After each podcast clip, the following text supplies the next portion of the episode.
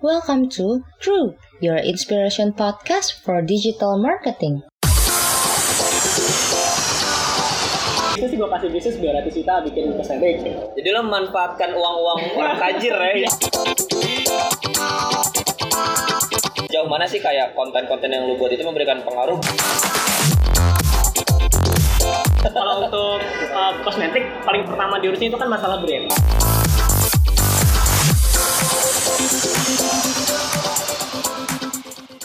Oke, balik lagi di podcast crew episode spesial. As always, episode spesial kali ini eh, biasanya akan ngebahas tentang teman-teman gue yang udah ngejalanin bisnis terus udah sukses. Ya lebih sukses dari gue lah biasanya.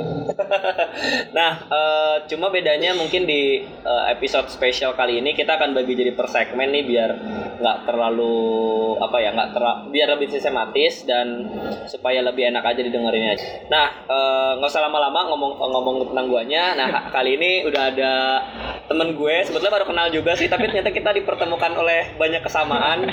Eh, panggilannya Ubay. Halo, Ubay. halo semua Oke, jadi eh, mungkin sedikit perkenalan dulu. Ubay ini eh, co-founder dan owner dari Riva Label sama Visi Dokter. Nah, coba bisa diceritain Bang itu apa, Bang? Ini atau Enggak, oh. gini aja Oh, iya. jadi di sebenarnya di band gue itu bikin sama temen gue kedua yaitu namanya Pak Berdi Oke. Kebetulan dia punya manufaktur ada empat kosmetik jadi uh, kalau gue lebih backgroundnya ke digital marketing Oh, oke. dia lebih ke manufacturing tapi kebetulan gue udah main di kosmetik itu udah dari tahun 2012 Oke. karena kebetulan kakak gue itu dokter tapi dia nggak bisa nge-brandingin produk Oh, is- eh, Pak ini kakak lo bukan? bukan Oh, ya. bukan. jadi sebelum ceritanya tuh sebelum gue bikin sama uh, si Fabian ini Hmm. gue mulai dari sama kakak gue dulu Hmm. dia bikin uh, bisa ngeracik produk karena dia dokter terus dia bikin uh, racikannya tapi dia nggak bisa bikin branding nggak bisa digital marketing lah intinya Oke. dari situ akhirnya gue bikin brandnya gue jalanin dari tahun 2012 Oh, udah lama banget dong. Udah lama banget. Ah, Terus oke. dilalahnya sampai uh, tahun 2018 kemarin, 2017 akhir lah. Gue ketemu sama Pak Bebi.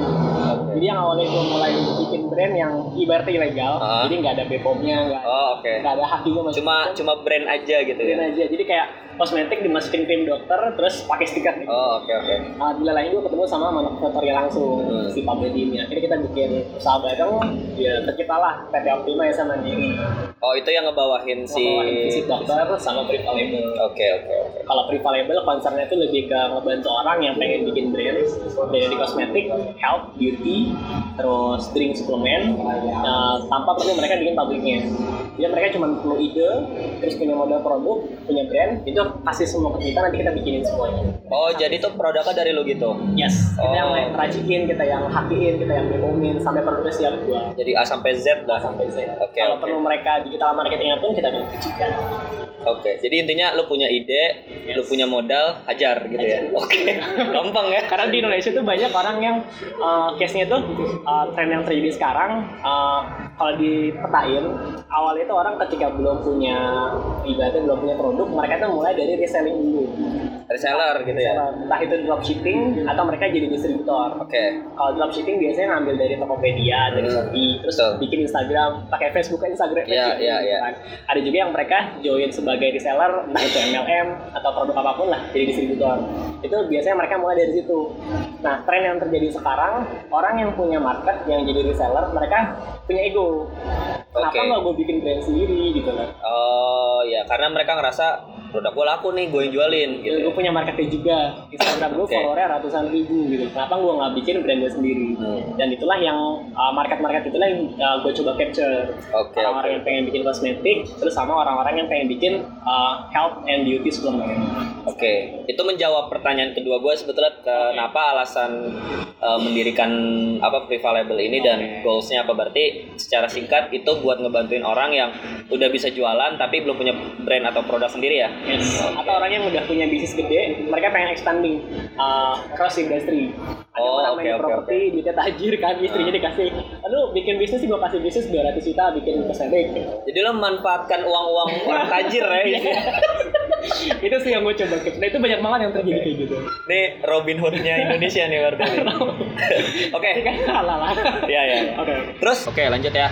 Oke. Eh, tadi kan gue tertarik banget nih untuk eh, pemilihan target lu yang spesifik banget ada beauty, healthy drink sama suplemen ya. Oke. Nah maksudnya ini menarik sih karena banyak orang kan yang eh, bikin bisnis tuh mereka ya udah general aja gitu marketnya atau kalau misalkan bikin servis ya udah ke siapa aja diterima termasuk kru kan nerima semua servis nih gitu. Nah kenapa lu memutuskan untuk mengambil tiga eh, field apa tiga market ini gitu dan dan kenapa spesifik banget alasannya apa?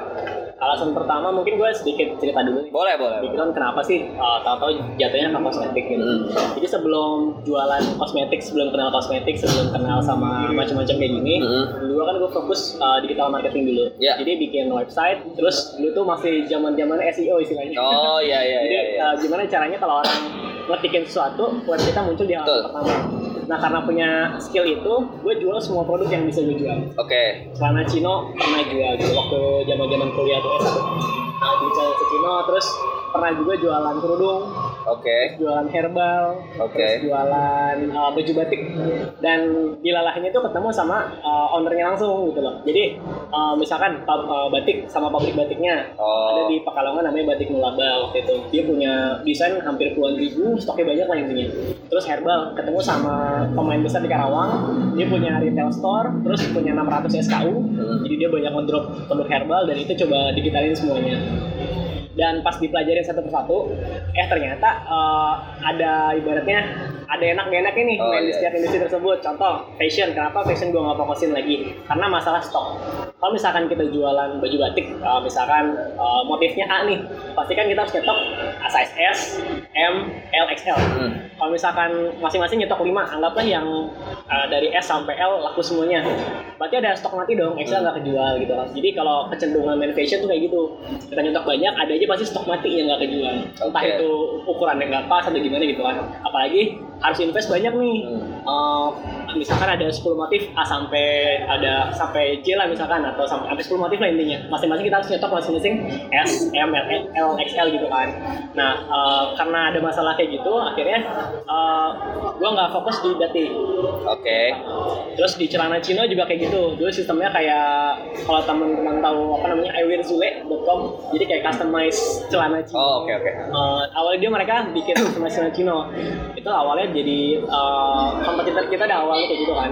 Tapi pas di jalan eh, dari jalanin dari pas di tahun 2012an itu penjualan lumayan bagus tapi ada tren penurunan di celana Cino. Oh, karena yang sifatnya fashion itu trennya berubah terus tiga bulan empat bulan gitu kan Thank you.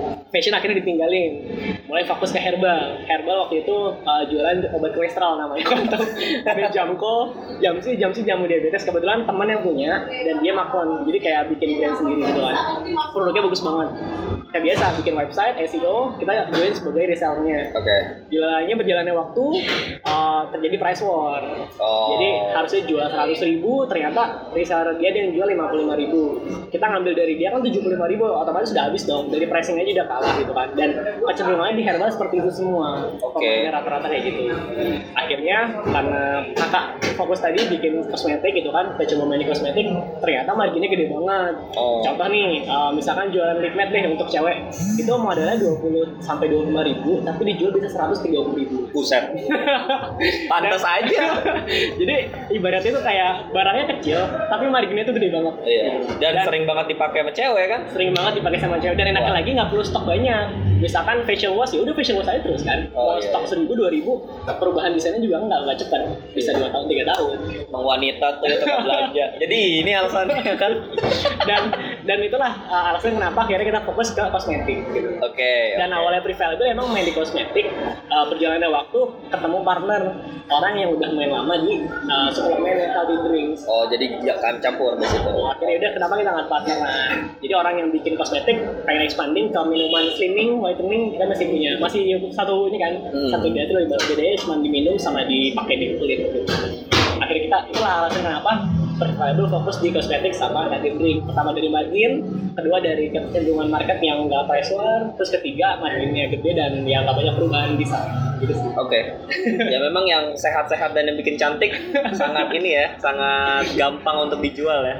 Oke, menarik banget eh, di segmen 1 eh, tentang Prevalable dan visi dokter. Eh, habis ini kita bakal ngobrolin tentang eh, Ubay-nya sendiri nih. Kita mengenal lebih jauh tentang Ubay di segmen 2.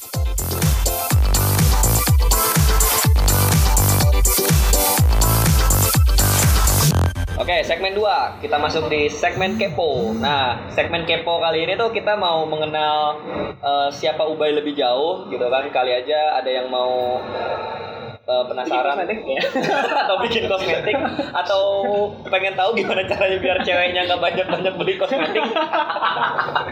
nah, ya, sekarang kita mau ngomongin tentang Ubay ini. Nah, eh, mungkin gua gua bridging dulu. Ubay ini sendiri kan selain fokus di ngurusin klien-klien di Priva Label Service Dokter, gua lihat Bay lo kan eh, aktif juga nih di YouTube kan bikin konten-konten lah tentang digital marketing, tentang branding, tentang bisnis segala macam. Nah, eh, kan kebetulan kru ini juga identik dengan konten ya. Kita kan eh, gimana caranya bikin konten yang baik untuk optimalisasi eh, bisnis dan sosial media klien-klien kita.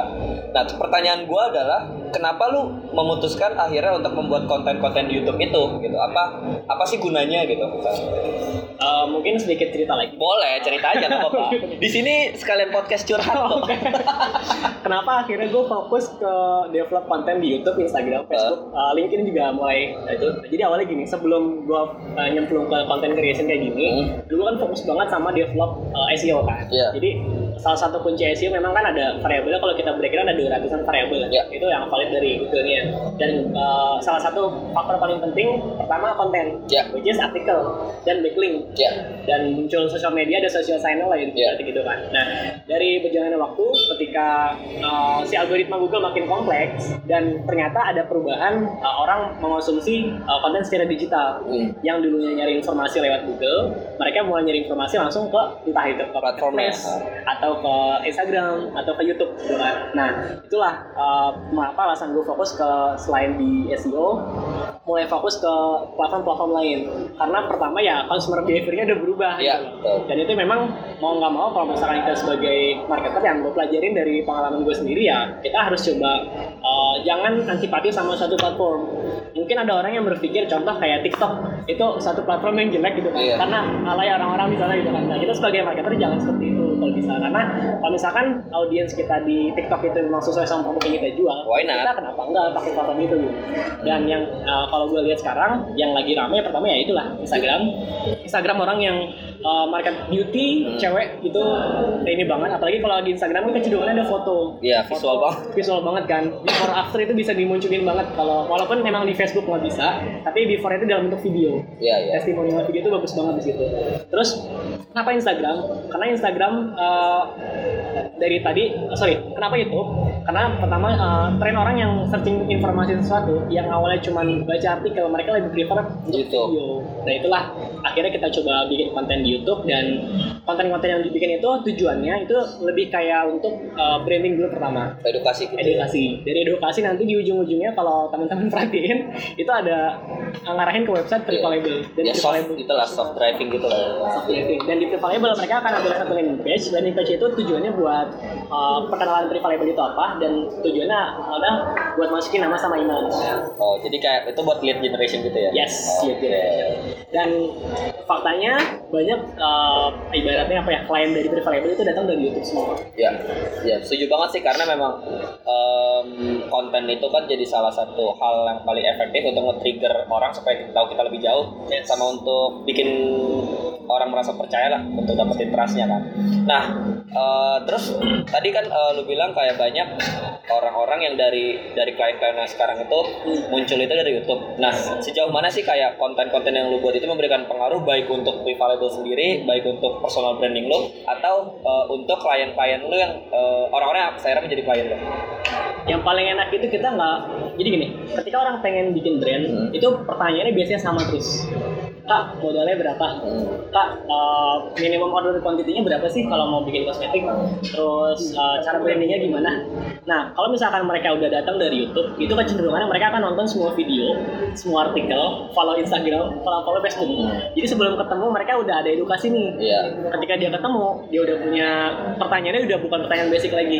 Dan kecenderungannya setiap uh, kita ketemu sama klien pertemuan pertama ngobrol-ngobrol malam itu ditransfer Oh, jadi itu untuk trustnya udah meningkat banget. Oh, Oke, karena trustnya meningkat, eh, terus akhirnya jadi cost time cost time itu jadi kayak nggak terlalu banyak ya. Dalam dalam satu hari yang sama itu bisa langsung deal gitu langsung ya. deal betul. Dan itu kan kalau untuk kalau untuk uh, kosmetik paling pertama diurusin itu kan masalah brand Hmm. Dari itu nanti kita, ibaratnya dia akan ngasih namanya minimal misalkan uh, ada namanya cewek Gloria, pengen bikin Gloria Beauty misalkan kosmetik. Dia udah punya nama, langsung kita cekin nanti namanya. Oh, ini untuk cek Available brand. atau enggak. Oke. Misalkan udah itu selesai dia langsung transfer, transfer ya udah di itu kan uh, ibaratnya udah ngikat sama klien kan. Dan itu angkanya nggak kecil juga. Oke, Itu sih. oke. Jadi ningkatin trust sama motong pertanyaan-pertanyaan yang basic. Oke, jadi bisa dibilang itu juga jadi kayak bikin F, eh, penjelasan FAQ ya. efek yes. Eh, tapi bentuknya video dan biar orang dapat uh, trustnya juga. Trustnya juga. Kirain buat AdSense. ya. bisa juga sih. Bisa juga ya kalau misalkan Pemasukan tambah. Jadi contoh yang kemarin habis kita habis uh, ada orang datang dari UPI Bandung. Jadi mereka minta available buat sharing-sharing dan pas ditanya ternyata mereka datang dari Instagram. Oh, oke. oke. Jadi ibaratnya uh, ada konten, mereka ngubungin kita, kita ngisi, terus kita jadi nambahin authority kita juga kan. Wah si Valuable sharing tentang digital marketing nih gitu.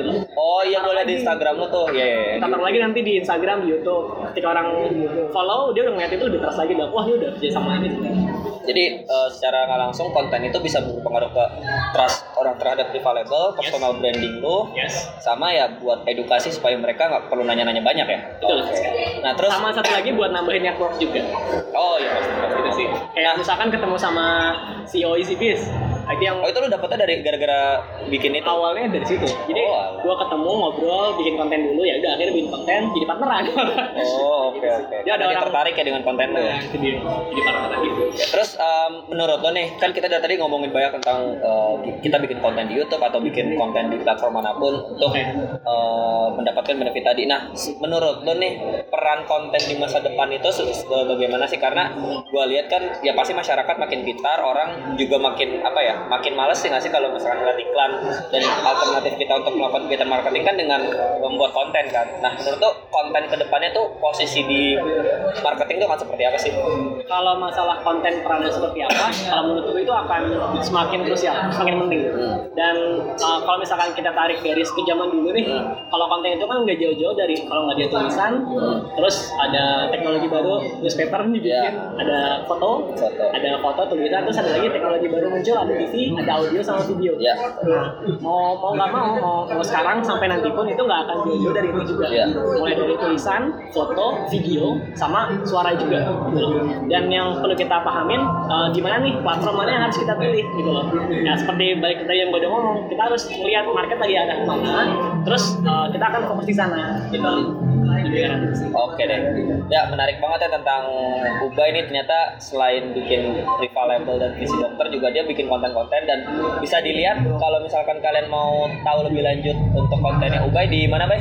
Rivalable.id rivalable.id itu di YouTube-nya ya? YouTube-nya Ubay Dilamuk nih. Oh Ubay. Oke, di YouTube-nya Ubay Dilabuk nih. Terus kalau mau lihat websitenya di rivalable. Rivalable.id, Instagramnya @rivalable, Facebooknya juga @rivalable. Oke, itu semua ada di website ya? Ada di- Pokoknya masuk ke website, nah di situ ada semua deh. Oke.